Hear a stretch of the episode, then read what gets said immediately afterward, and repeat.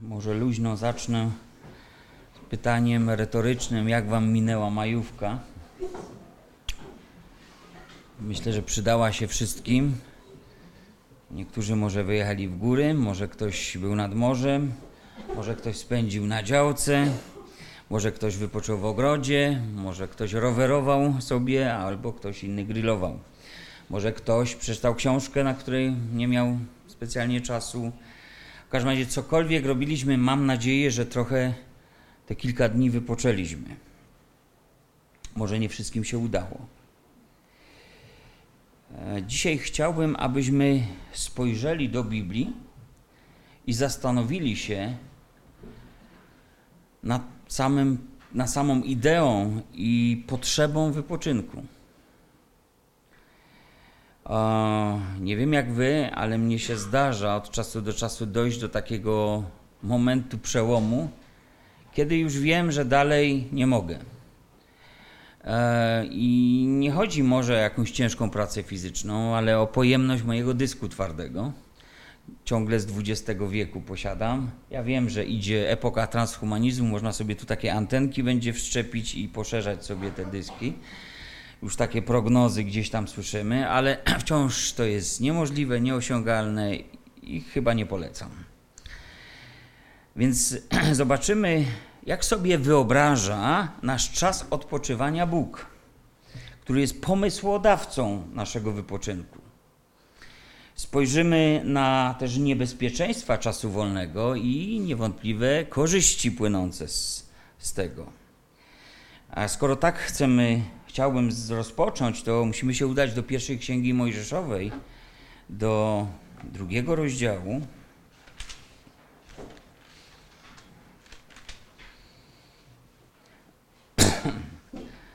drugiego wersetu, gdzie czytamy następujące słowa. I ukończył Bóg w siódmym dniu dzieło swoje, które uczynił, i odpoczął dnia siódmego od wszelkiego dzieła, które uczynił. Drodzy, czytając opis stworzenia, widzimy, że Bóg pracował przez sześć dni, a potem odpoczął. I gdy Bóg dokończył swojego dzieła, spojrzał na to wszystko i było to dobre. Gdy stworzył człowieka, powiedział, że to dzieło jego rąk jest bardzo dobre, znaczy doskonałe. A zatem po dobrze wykonanej pracy przyszedł czas na odpoczynek. I oczywiście Bóg nie potrzebował odpoczywać z powodu zmęczenia, z powodu utraty sił, z powodu potrzeby zregenerowania się siebie samego. Stary Testament, prorok Izajasz powiada nam, że Pan się nie męczy i On nie ustaje. To my ludzie, nawet pacholęta, czyli młodzież, potrafi dojść do kresu sił. Patrz, pustynia, którą szedł Izrael, jak wielu zasłało pustynię. My tracimy siły, Bóg nie, Pan się nie męczy, nie ustaje. Dlaczego więc odpoczął? Bóg w swym działaniu postanowił przygotować dla człowieka pewien wzorzec, pewien cykl dla jego życia, bo to człowiek, a nie Bóg właśnie będzie potrzebował odpoczynku. Izraelici, jak wiemy z lektury Bożego Słowa, dużą wagę przykładali do dnia siódmego, do dnia odpoczynku. Oczywiście, że umocniły ich w tym też ustanowione Boże prawa, którym byli podlegli. W 5 Mojżeszowej, 5 rozdziale, 14 wersecie czytamy. Ale siódmego dnia jest sabat Pana Twojego Boga. Nie będziesz wykonywał żadnej pracy, ani ty, ani twój syn, ani twoja córka, ani twój sługa, ani twoja służąca, ani twój wół, ani twój osioł, ani twoje bydle, ani obcy przybysz, który mieszka w twoich bramach aby odpoczął Twój sługa i Twoja służebnica tak jak Ty. Wiemy, czytając uważnie Stary Testament, że było to ustanowienie wieczne dla Izraela. I też doskonale chyba jesteśmy uświadomieni o tym, że Żydzi do dzisiaj, Izrael kiedyś, mają troszkę inny system rachuby czasu. Mianowicie od niedzieli, pierwszego dnia tygodnia, do soboty, dnia, który kończy ten tydzień, jest dniem odpocznienia. Święta i dni są mierzone od zmierzchu do zmierzchu, a nie jak my mamy to wyznaczone godzinowo od północy do północy. Różnie to było w przeszłości. Siedmiodniowy cykl gdzieś sięgając w daleką przeszłość możemy odnajdywać już gdzieś w Mezopotamii. To oczywiście ma jakieś uzasadnienie też naukowe, ponieważ wiąże się z cyklami księżyca. Niektórzy uważają, że wiąże się z tymi błądzącymi po niebie ciałami. No, księżyc, słońce i dodajcie sobie jeszcze pięć planet, które widać w miarę gołym okiem. E, więc niektórzy przypisują właśnie temu astrologii, astronomii takiej starożytnej e, zaistnienie. Ale ciekawostką może być też to, że w starożytnym Rzymie e, do bodajże jednego z cesarzy, o którym już mówi Biblia, był ośmiodniowy cykl tygodnia. Także ciekawostka. Ale jednak któryś z cesarzy rzymskich, bodajże August, e, przyjął jednak ten wschodni ryt mierzenia czasu, bo wydawał się najbardziej racjonalny, e, najbardziej pasował do wszystkiego tego, co dzieje się i co jest zauważalne na przykład na nieboskłonie. Ale my wiemy, sięgając do Bożego Słowa, gdzie jest początek tego. E, a początek jest w pewnym wzorcu, które zostawia człowiekowi Bóg. No, pojawia się pytanie, czy w takim razie my w jakikolwiek sposób jesteśmy dziedzicami tego odpocznienia, o którym czytamy w Starym Testamencie? Jeśli tak, to jak powinienem, jak powinien wyglądać dla nas ten czas odpocznienia? E, co powinien znaczyć dla nas?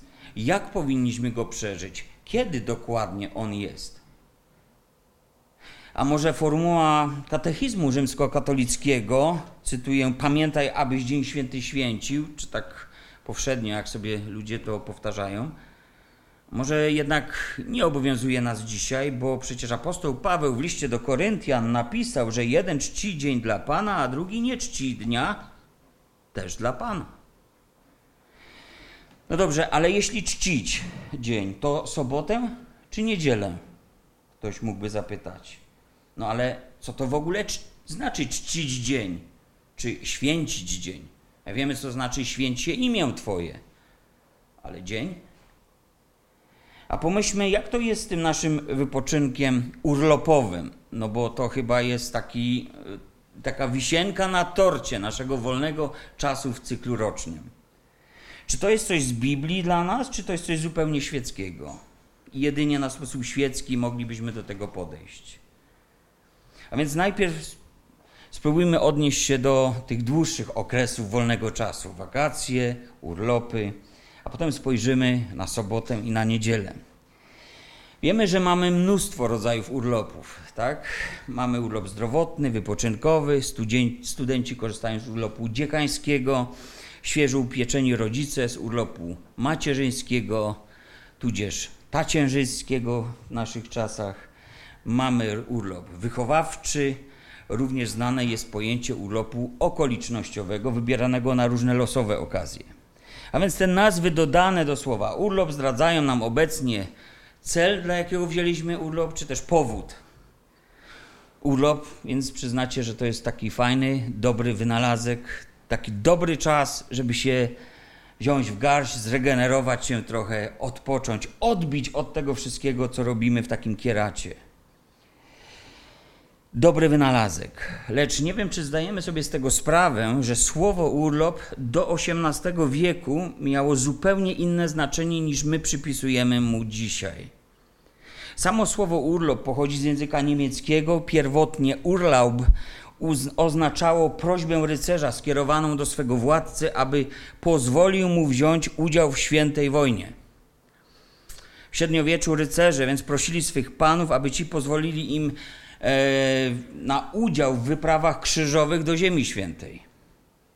Rycerz, którego urlaub, czyli ta prośba została przyjęta, był na czas tych zmagań wojennych zwolniony z obowiązków służenia swemu panu w danym księstwie. Wiązał się, wiązał się więc ten czas urlaubu z poświęceniem i towarzyszącym temu poświęceniu ryzykiem, bo taki rycerz mógł już nie wrócić z tej wy, wyprawy. Wolne dni, jakie otrzymał od pracy, od swego władcy, służyły nie temu, by się pomoczyć e, nad Morzem Śródziemnym, ani by odwiedzić cieplejszy kraj, by skorzystać z kąpieli słonecznych, czy wziąć udział e, w czymkolwiek rozrywkowym, ale to było coś poświęcone, bardzo szczególne i niezwykle honorowe dla rycerza, aby chociaż raz w życiu zaliczyć taki czas świętej wojny. On to robił dla Boga, bo wojny niegdyś prowadzono w imieniu Boga i dla Jego chwały i chwały stanu rycerskiego. Oczywiście temat sprawiedliwej wojny, to czy takowa istnieje, czy nie, przy całym cierpieniu zadawanym przy okazji wojen, to temat jest w ogóle na inne kazanie. Tego nie chciałbym dzisiaj poruszać. Ale sam fakt, skąd wywodzi się nasz urlop. Dzisiejsze znaczenie urlopu, jakie my go znamy, weszło do użytku gdzieś w okolicach XIX-XX wieku, w czasach takiego początku rozwoju kapitalizmu, gdy ruszył e, rozwój cywilizacyjny, wszędzie postępowała industrializacja, wszystko przyspieszało, ludzie pracowali codziennie, często bez wytchnienia, przez wiele godzin, od świtu do zmroku. Skądinąd dzisiaj też to się zdarza wszystko wtedy stało się zmechanizowane, angażowało człowieka w zupełnie innym wymiarze czasu niż wcześniej. Człowiek funkcjonował w zupełnie nowym, innym rytmie pracy niż to było wcześniej. I wiecie, zmęczenie dawało coraz bardziej znać o sobie. Jeśli ktoś z Was oglądał taki polski film Ziemia obiecana o wczesnym kapitalizmie polskim, tam w tle jest jakieś e, fabryki włókiennicze, to właśnie w tym, tej ekranizacji tych czasów można doskonale to zobaczyć, jak to wyglądało. I widzimy tam, że kapitaliści dostrzegli pewną zależność. Zależność między wypoczynkiem człowieka, a tym, w jaki sposób on pracuje.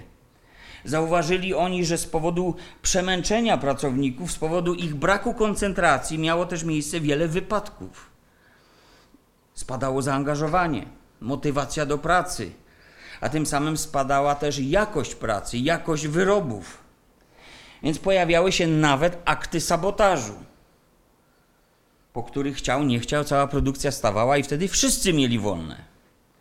I to wówczas właśnie wtedy pojawiła się ta myśl, aby przyznawać pracownikom prawo do urlopu wypoczynkowego.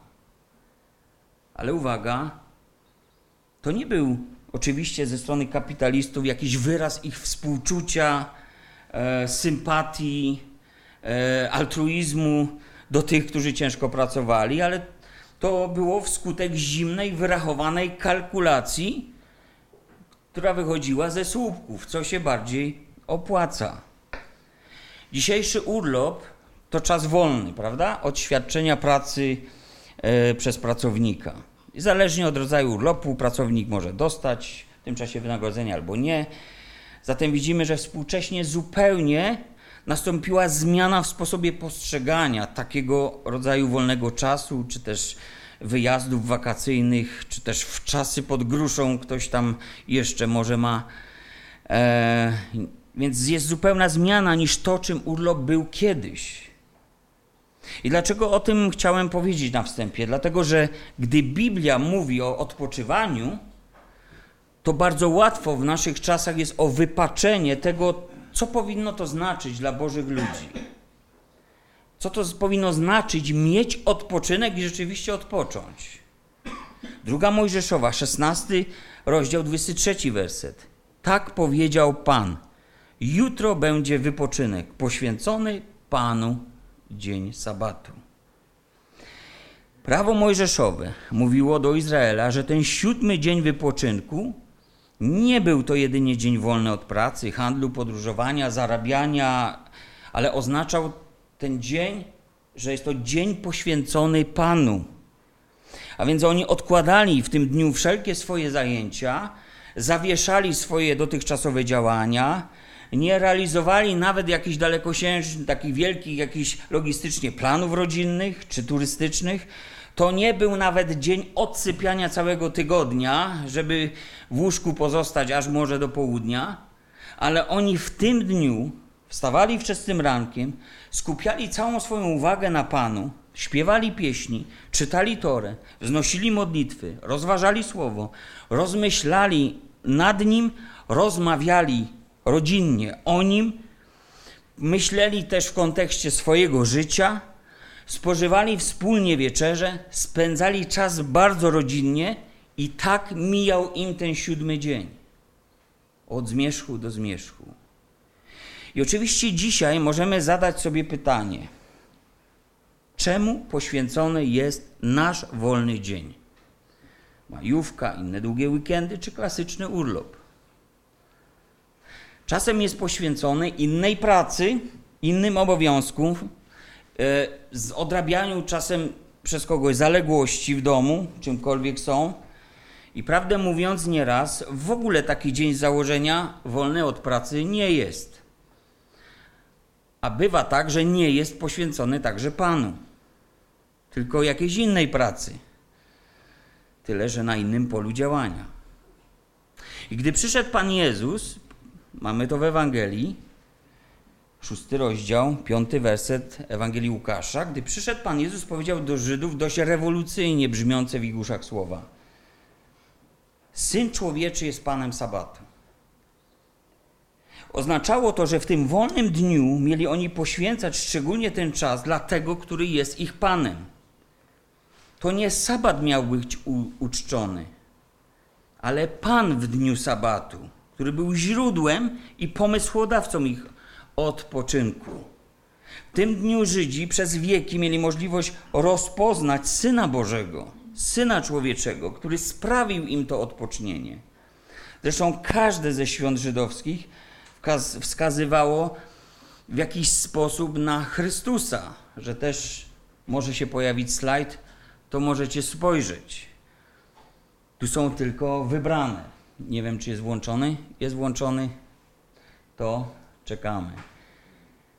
Święta żydowskie wskazywały na Chrystusa. Tak jak wiele znajdujemy symboli w Starym Testamencie, które y, mówiły o Chrystusie. Choćby ci, którzy szli po pustyni, pili ze skały. A Nowy Testament mówi, ale skałą tą był Chrystus. A macie tu przykład świąt żydowskich. Pascha od wieków, którą mieli, wskazywała na Chrystusa, na krzyż, na przelaną krew. Przaśny chleb, który jedli, pokazywał doskonałość, pokazywał czystość, oczyszczenie z grzechów święto pierwocin, pierwsze, pierwsze z plonów, pokazywało na tego, który pierwszy zmartwychwstanie, a za sobą powiedzie wszystkich innych. Zesłanie Ducha Świętego, pięćdziesiątnica. Pierwsi wierzący w Kościele. Potem macie święto trąb, a zabrzmi, ostatnia trąba zabrzmi, pismo mówi, Nowy Testament, a wtedy powstaną umarli i żywi na spotkanie porwani będą w powietrze, na spotkanie z Panem, mówi list do Tesaloniczan. Mamy dzień pojednania, o którym mówi trzecia księga Mojżeszowa.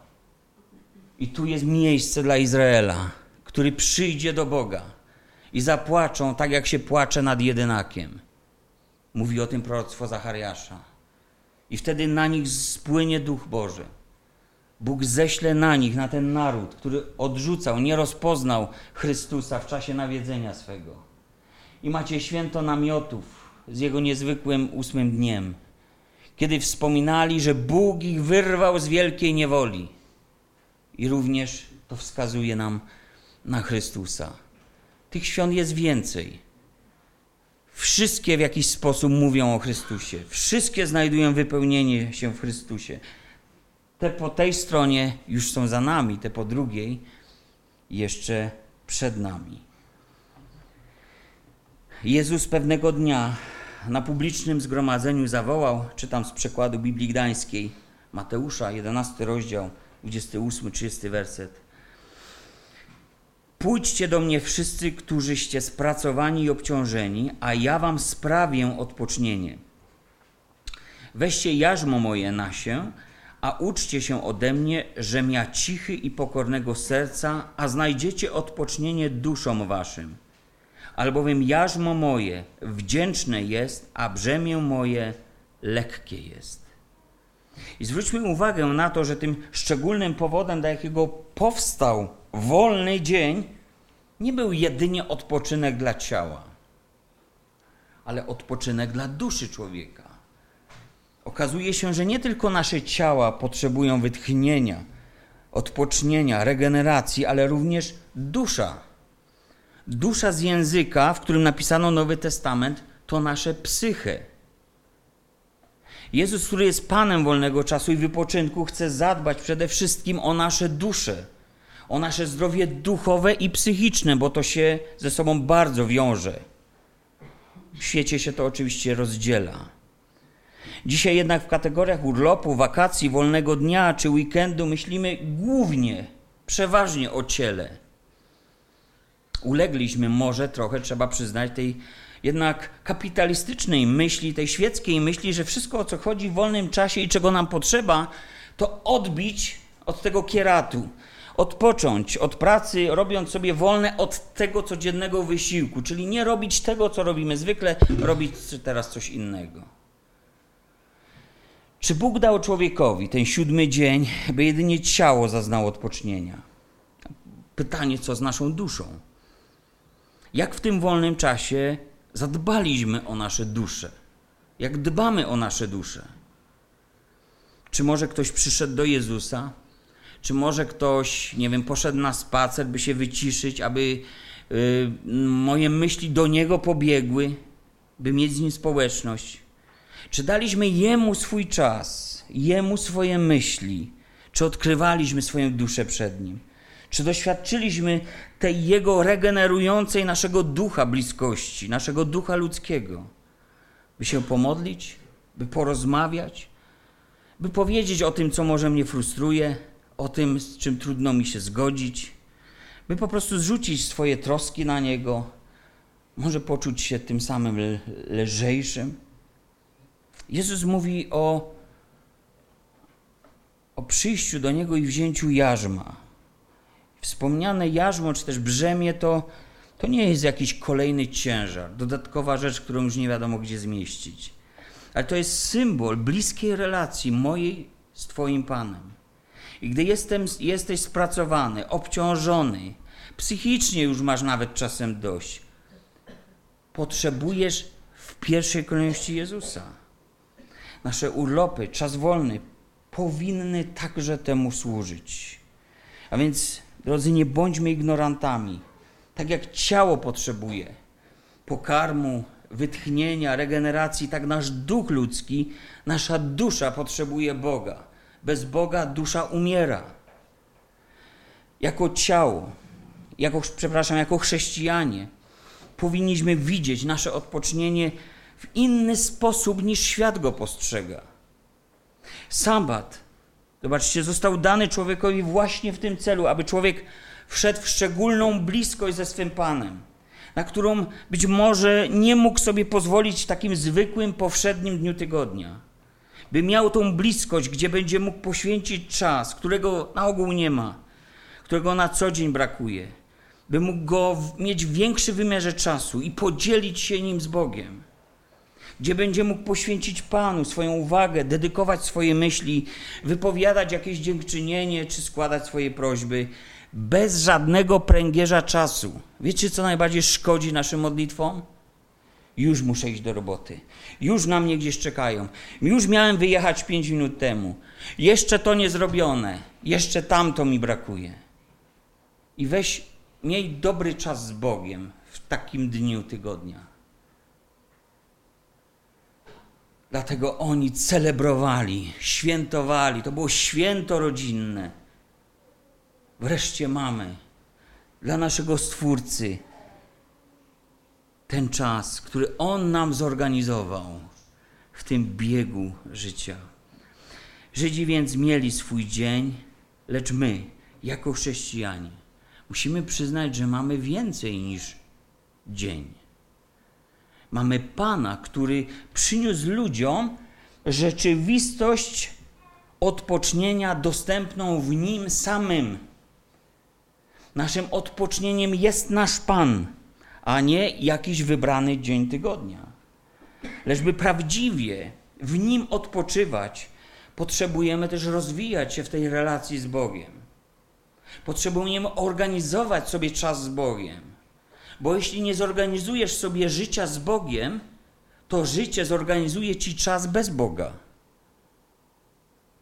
To nie jest coś statycznego. Tam nie będzie miejsca dla Boga.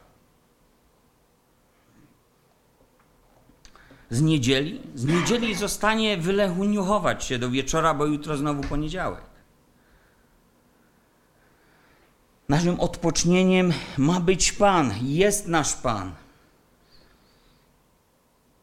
Czy wierzycie, że, że On może dać Wam odpocznienie?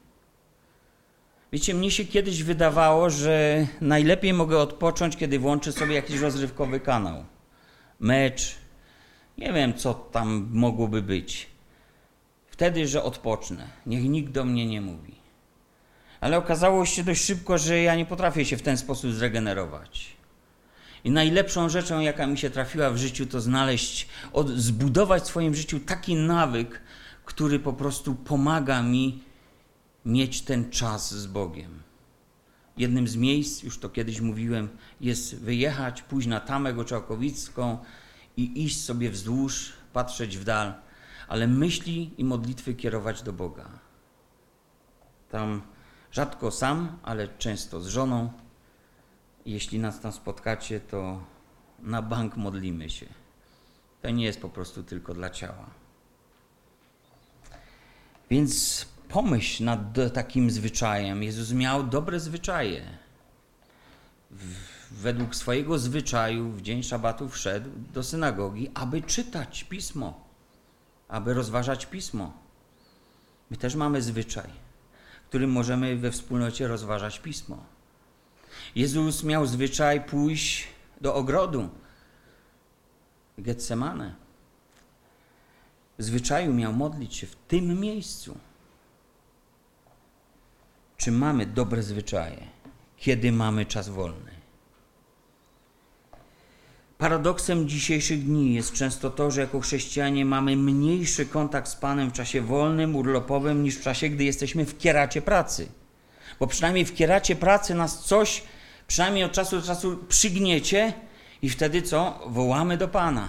Wtedy szukamy Pana. Tak jak małe dziecko, które się przewróci, zbrudzi rączki i płacze, mama, mama, mama. To my też tak mamy w kieracie pracy. Ale w czasie urlopowym, jak to wygląda? Niektórzy nawet na swój urlop nie zabiorą Biblii, no bo po co obciążać bagaż? O, tablet jest przecież, komórka jest przecież, tam to wszystko mam. Jak poczytacie tylko ekspertów i naukowców i psychologów, co się dzieje w głowie człowieka, który nie rozstał się z książką, jakąkolwiek, nie mówię tylko Biblii, to się za głowę chwycicie jak po prostu zostaje wyłączony mózg w wielkiej mierze, kiedy po prostu przestawiamy się tylko na tablety i komórki i myślimy, że sobie tak samo dobrze poczytamy Biblię. Część ośrodków pamięciowych zostaje wyłączona. Jeszcze to niebieskie światło, które też ma określoną negatywną stronę. Ale nie chcę na tym się skupiać. Chcę nam dać tylko takie ziarenko do ogródka wrzucić, żebyśmy przemyśleli sobie pewne rzeczy. Niektórzy tak planują urlop, że nie mają czasu nawet spotkać się na urlopie z Panem. Wszystko zaplanowane, tylko nie to.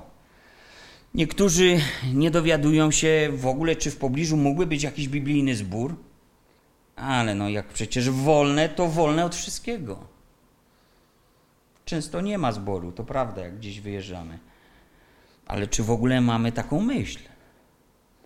Jeśli tak robiliśmy dotąd, to odpowiedzmy sobie sami, czy Jezus jest dla nas naprawdę Panem naszego szabatu, czyli Panem wolnego czasu, Panem mojego odpocznienia. Jeśli jest Panem, to czy On panuje nad moim wolnym czasem?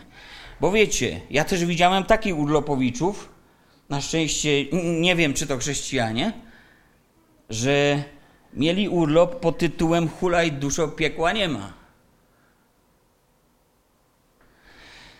Doskonale wiemy, że w przypadku chrześcijan nie chodzi o święcenie soboty, ani nawet o święcenie niedzieli, ale generalnie chodzi o odpocznienie, gdzie Bóg jest, bywa tak tym wielkim zapomnianym, od którego przecież wzięliśmy swój urlop. To On jest pomysłodawcą. On nam to zorganizował, ten cykl, jakim żyjemy, cykl tygodnia. Ten odpoczynek, o którym mówi Biblia, jest czymś innym niż to, co możemy uzyskać od pracodawcy w tym świecie. Ten świecki wypoczynek jest dla ciała, jest zagwarantowany kodeksem pracy, lecz odpoczynek dla duszy jest Twoim wyborem. Czy go sobie zagwarantujesz, czy nie zadbasz o to, zależy wyłącznie ode mnie i od Ciebie. I oczywiście, żeby nie popadać w skrajność, żebyśmy w ten sposób nie myśleli, że jak pastor jest na urlopie, czy na majówce, czy gdziekolwiek, to siedzi na chmurce w niebie i rozmawia tylko z Panem Bogiem. Taki namiot zgromadzenia sobie biorę.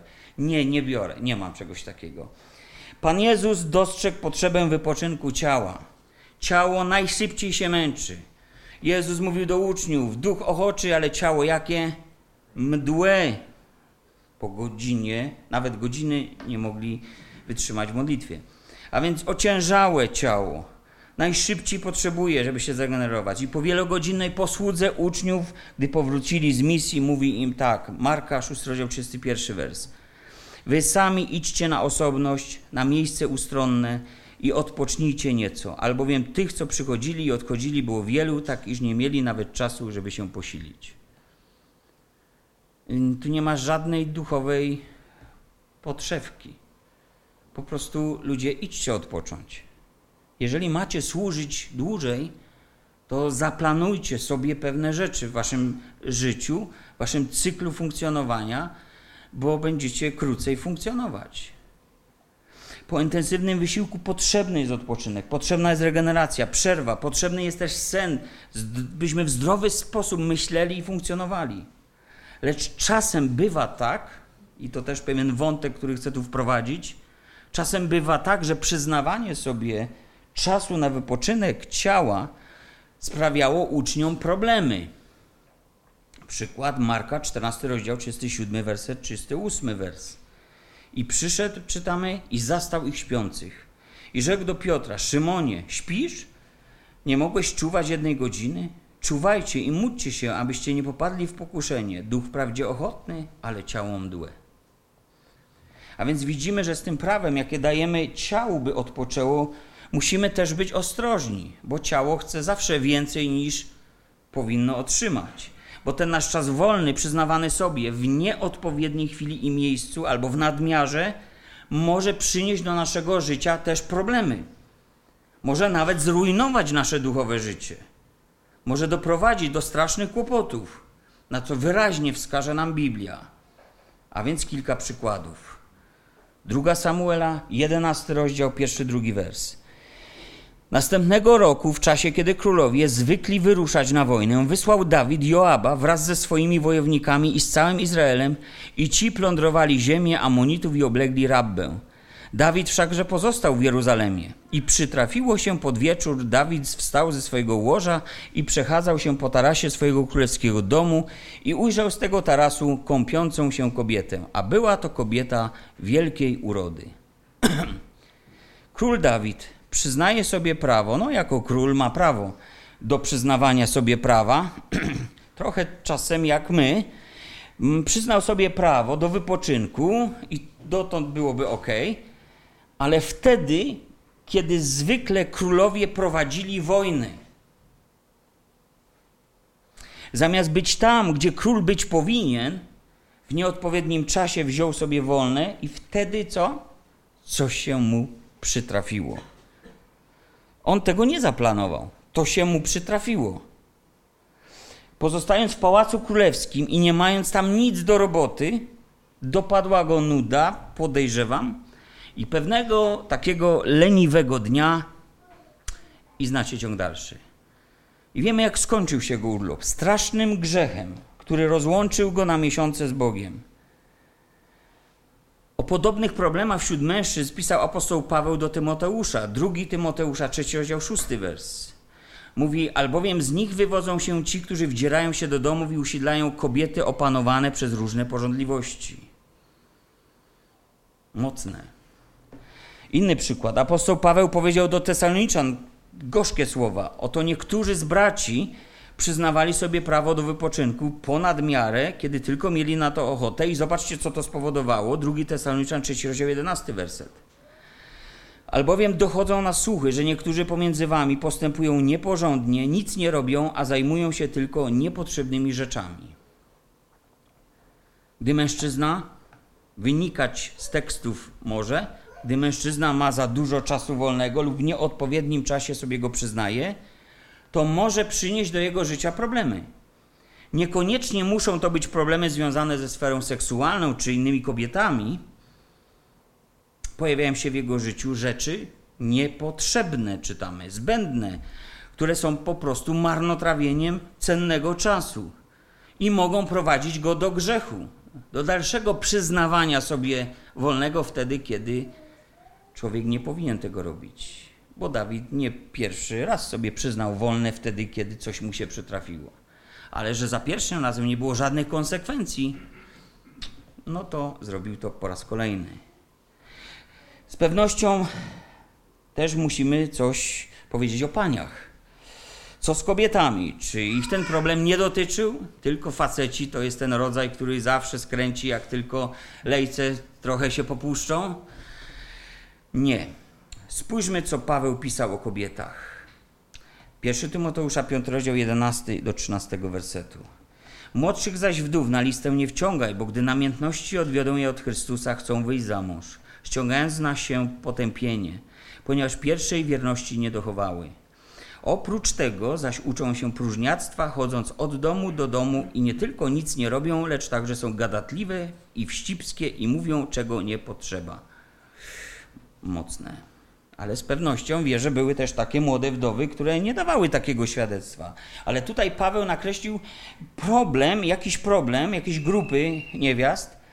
I wynika z tego, że kobieta, kiedy miała też za dużo, sporo czasu wolnego w nadmiarze i nie wiedziała, co z tym zrobić, to w miejsce jej gospodarności, odpowiedzialności i wszystkiego tego, co mogła też przekazać, na co trzeba było też poświęcić czas, pojawiała się próżność i wtedy szukała innych wolnych czasowo koleżanek, chodziła od domu do domu, nie wiem, może dzisiaj nazwalibyśmy to od kawki do kawki i tak zaczynało się plotkarstwo, a więc grzech.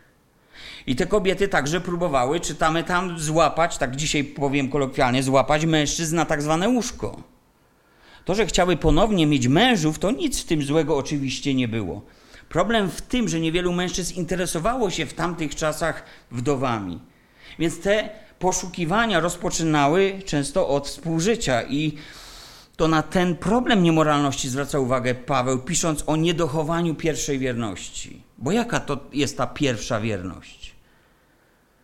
To przecież był czas macierzy, yy, narzeczeństwa, w którym panna młoda wiernie i w czystości oczekiwała na zaślubiny swego oblubieńca. Paweł tutaj mówi, że niektóre z nich odwróciły się od Pana, za szatanem poszły. Ich namiętności odjodły je całkowicie od Chrystusa. A więc przekroczyły granice przyzwoitości, granice moralności. Był to jakiś tam problem.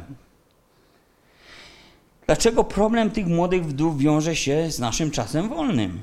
Dlatego, że w kontekście mamy też opis starszych wdów, które były zapracowane, zaangażowane w służbę, Kościoła pomimo swojego wieku, które inwestowały swój czas w to młodsze pokolenie, przekazywały wiedzę, aby młodsze kobiety pouczać. Czytamy tam o życiu rodzinnym, gospodarności, aby poznawały Pana, prowadziły swoje życie moralnie, bogobojnie, pewnie spędzały czas na modlitwach. Tak się zastanawiam, ta Anna, o której jest mowa, że jest prorokinią i spędzała dnie całe w świątyni na modlitwach. Może miała rzeczywiście sporo czasu wolnego, ale stwierdziła, że zainwestuje je w 100% i odda to Bogu.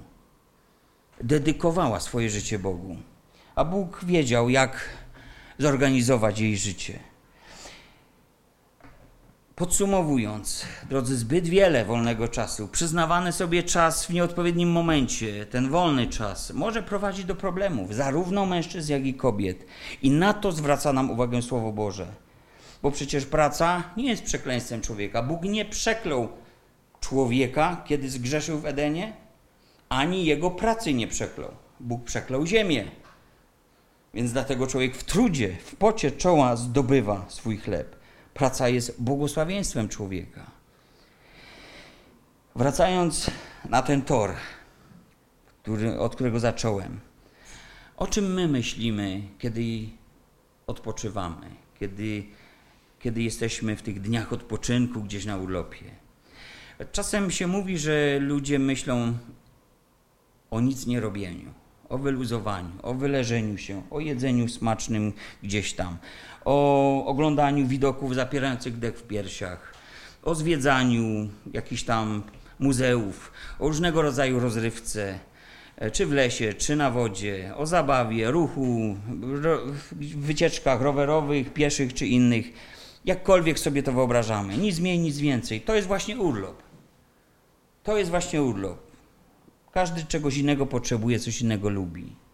Ale drodzy, pamiętajmy, że można, można spędzić wspaniały urlop, pełen relaksu dla ciała. Można przywieźć wiele pamiątek i mieć niesamowite zdjęcia, by wracać wspomnieniami do tego. Bo zaznaliśmy wszelakich przyjemności. Można spędzić wspaniały urlop dla ciała, lecz na duszy swojej szkodę ponieść. Zastanówmy się teraz nad tymi dniami świątecznymi, nad tymi krótkimi odcinkami.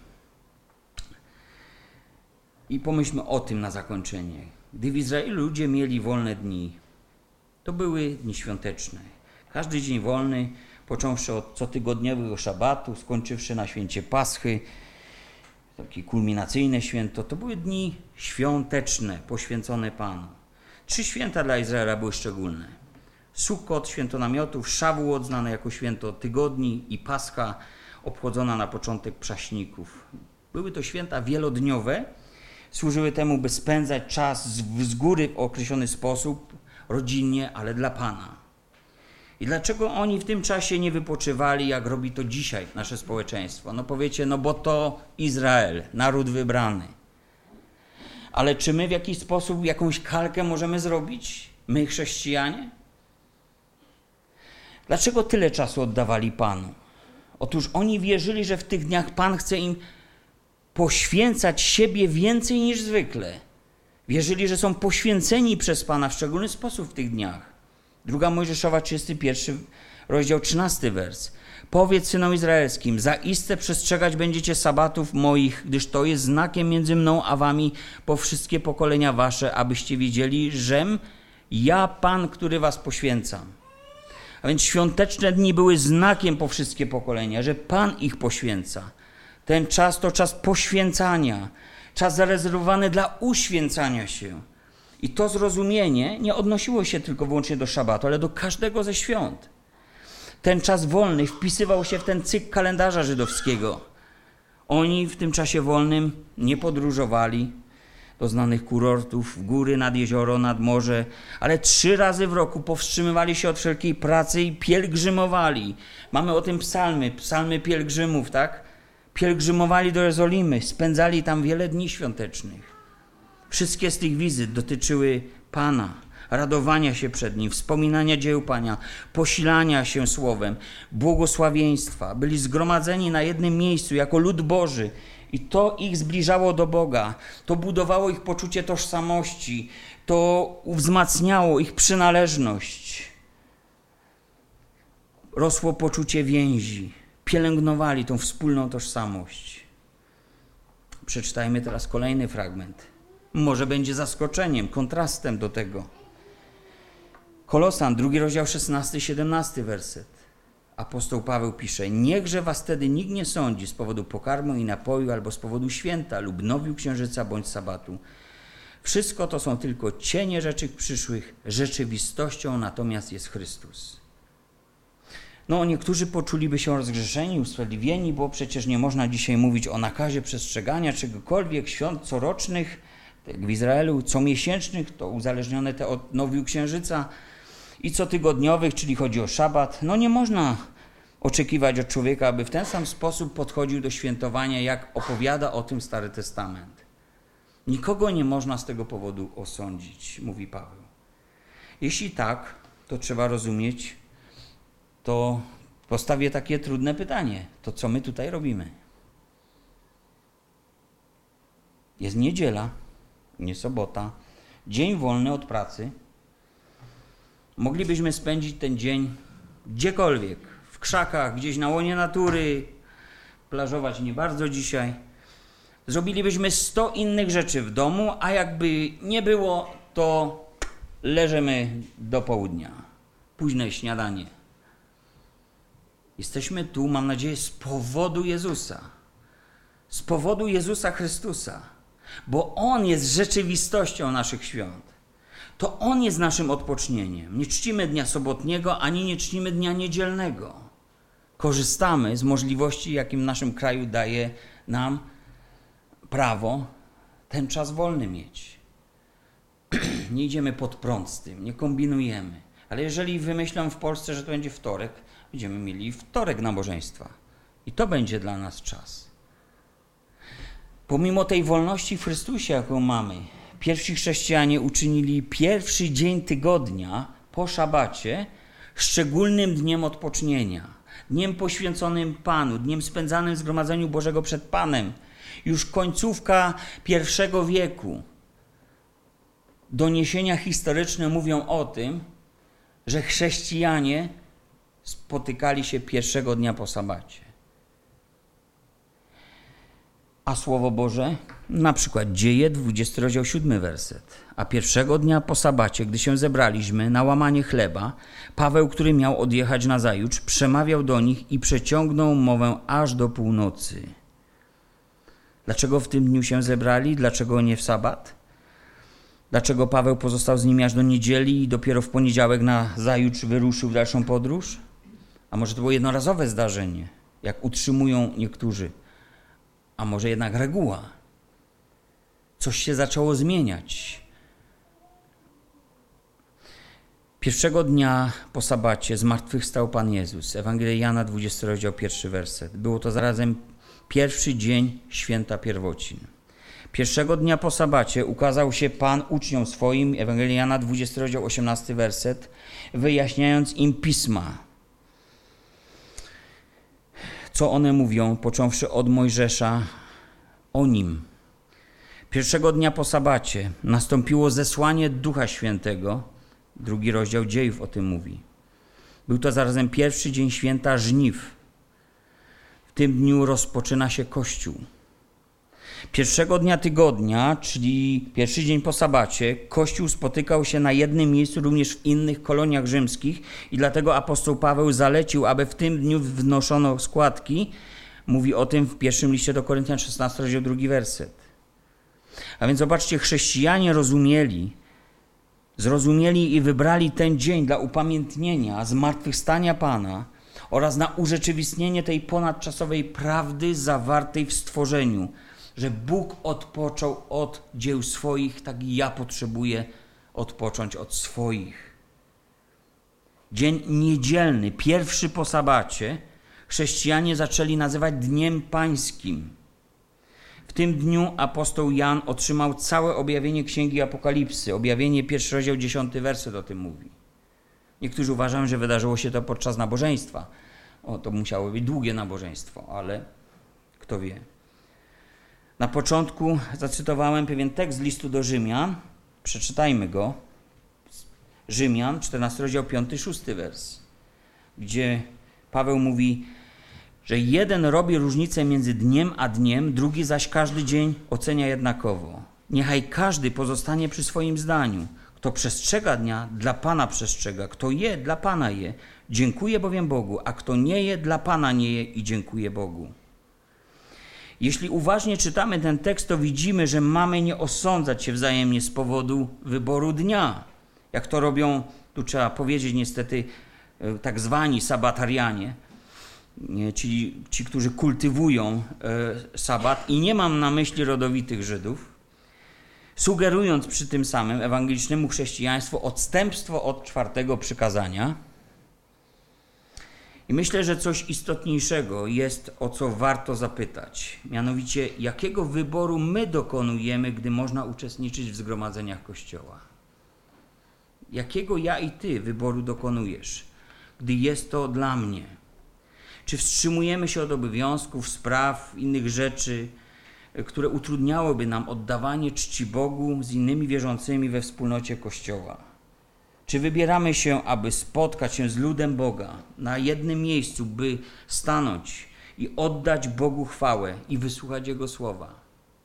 Hebrajskie słowo kahal to właśnie takie zgromadzenie Bożego ludu na jednym miejscu w jednym czasie.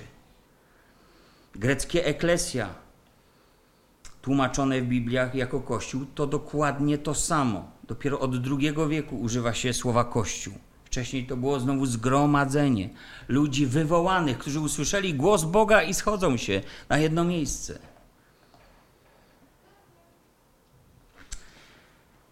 No ale jesteśmy wolnymi ludźmi. Możesz zrobić ze swoim czasem co chcesz. Chrystus wywalczył dla nas tą wolność. Nie jesteśmy pod zakonem, przecież jesteśmy pod łaską. Pamiętajmy jednak, że tylko w przypadku jakiejś konieczności, jakiejś sytuacji losowych, ważnych rzeczy powinniśmy w ogóle dopuszczać możliwość opuszczania zgromadzeń. Nie traktować tego jako po prostu takiej normy. Jak mi nic innego nie przeszkodzi, to dzień święty będę święcił, mówiąc kolokwialnie. I to nie są moje przypuszczenia, moje słowa i takie ludzkie nakazy. Autor listu do Hebrajczyków powiada tak: Nie upuszczajmy naszych wspólnych zebrań, jak to jest, jak to się stało zwyczajem niektórych. Czytam z przykładu Biblii Tysiąclecia. Ale zachęcajmy się nawzajem, i to tym bardziej, im wyraźniej widzicie, że zbliża się dzień. Miejcie to w pamięci. Zbliża się dzień. Wiecie, jak się zbliżył dzień pandemii, to do wielu kościołów waliły tłumy. Oczywiście, jak ludzie zorientowali się, co to znaczy pandemia, to tak opustoszały. Ale zbliża się dzień i ludzie coś wyczuwają. Jest tu mowa o zwyczaju. Greckie etos to od tego bierze się etyka, czyli zbiór też moich moralnych norm, według których żyję, postępuję. Ale skoro jest wolność, to po co napomnienie? Bo napisano też, aby nie zasłaniać się swoją wolnością jak parawanem, by pod pozorem wolności nie pobłażać pragnieniom ciała. Więc planujmy swój wolny czas, urlopy, wyjazdy, dni wolne, też pod kątem wyciszenia się, oddania Bogu chwały, spędzenia z Nim czasu, jeśli jesteśmy dostępni, abyśmy po prostu byli też razem. Zbierajmy się, e, przepraszam, zabierajmy też w nasze, nasze podróże, nasze Biblię, Potrzebujesz słowa jak oddychania. Potrzebujesz rozmyślać od Panu, zregenerować duszę. Niech dni wolne od pracy nie będą urlopami od wszystkiego, co mnie łączy z Bogiem. Pamiętajmy, że wszystkie święta wraz z sabatem wskazywały na rzeczywistość Chrystusa. Pytanie, jakie powinniśmy na zakończenie sobie zadać, jest takie: czy On jest tą rzeczywistością naszych świąt, naszych dni wolnych, naszych urlopów, naszych wyjazdów, naszych niedziel. Czy regenerując swoje ciała, pamiętamy o regeneracji dusz? Żydowskie święta odeszły. Nie ma. Przyszedł Chrystus i On pozostał i woła: Przyjdźcie do mnie wszyscy, a ja wam sprawię to odpocznienie. Dziś w Chrystusie każdego dnia możesz z tego skorzystać. A najwięcej wtedy, kiedy to wspaniałe państwo, w którym żyjemy, funduje ci dzień wolny od pracy. No jeśli nie wtedy, to kiedy? Pomyśl, czy dni wolne służą ci również temu, aby zbliż, abyś się zbliżył do Jezusa? Czy tak naprawdę dni wolne to tak w rzeczywistości to cię oddalają do Jezusa? Nie upuszczajmy wspólnych zgromadzeń, bo zbliża się dzień. Jaki dzień? Wiecie, pandemia, która odeszła, nie oddaliła widma końca świata ani przyjścia Chrystusa. To jest dokładnie w tym samym dniu od wieków wyznaczone, ani wcześniej, ani później. W dzisiejszych czasach wkraczamy w nowy świat, nie znali go nasi poprzednicy. Dla nas jest wiele niepewności. O ileż bardziej potrzebuję, potrzebujesz nastroić swoją duszę codziennie albo we wspólnocie, aby ten nasz duchowy kompas móc skalibrować, by nie zboczyć z kursu. Drodzy, gdy więc dzisiaj może po południu ktoś wejdzie w swój wygodny fotel, przykryje się kocykiem, bo nie wiem czy zimno, czy ciepło, albo wyjedziesz na jakiś urlop, czy jakąś kolejną majówkę, czerwcówkę, czy cokolwiek. Pomyśl, pomyśl o swoim Bogu. Podziel się Twoim, w cudzysłów to weźcie, Twoim czasem wolnym z reżyserem Twojego czasu wolnego, z pomysłodawcą, kimś, kto przyniósł Ci to, aby to było Twoje, abyś się z tego mógł nacieszyć, abyś z tego mógł skorzystać do woli, jak chcesz. Pomyśl o tym. Niech Bóg, drodzy, pobłogosławi swoje słowo w naszych sercach, a Duch Boży niech nas przekonuje w tych sprawach odnośnie naszego życia. Amen.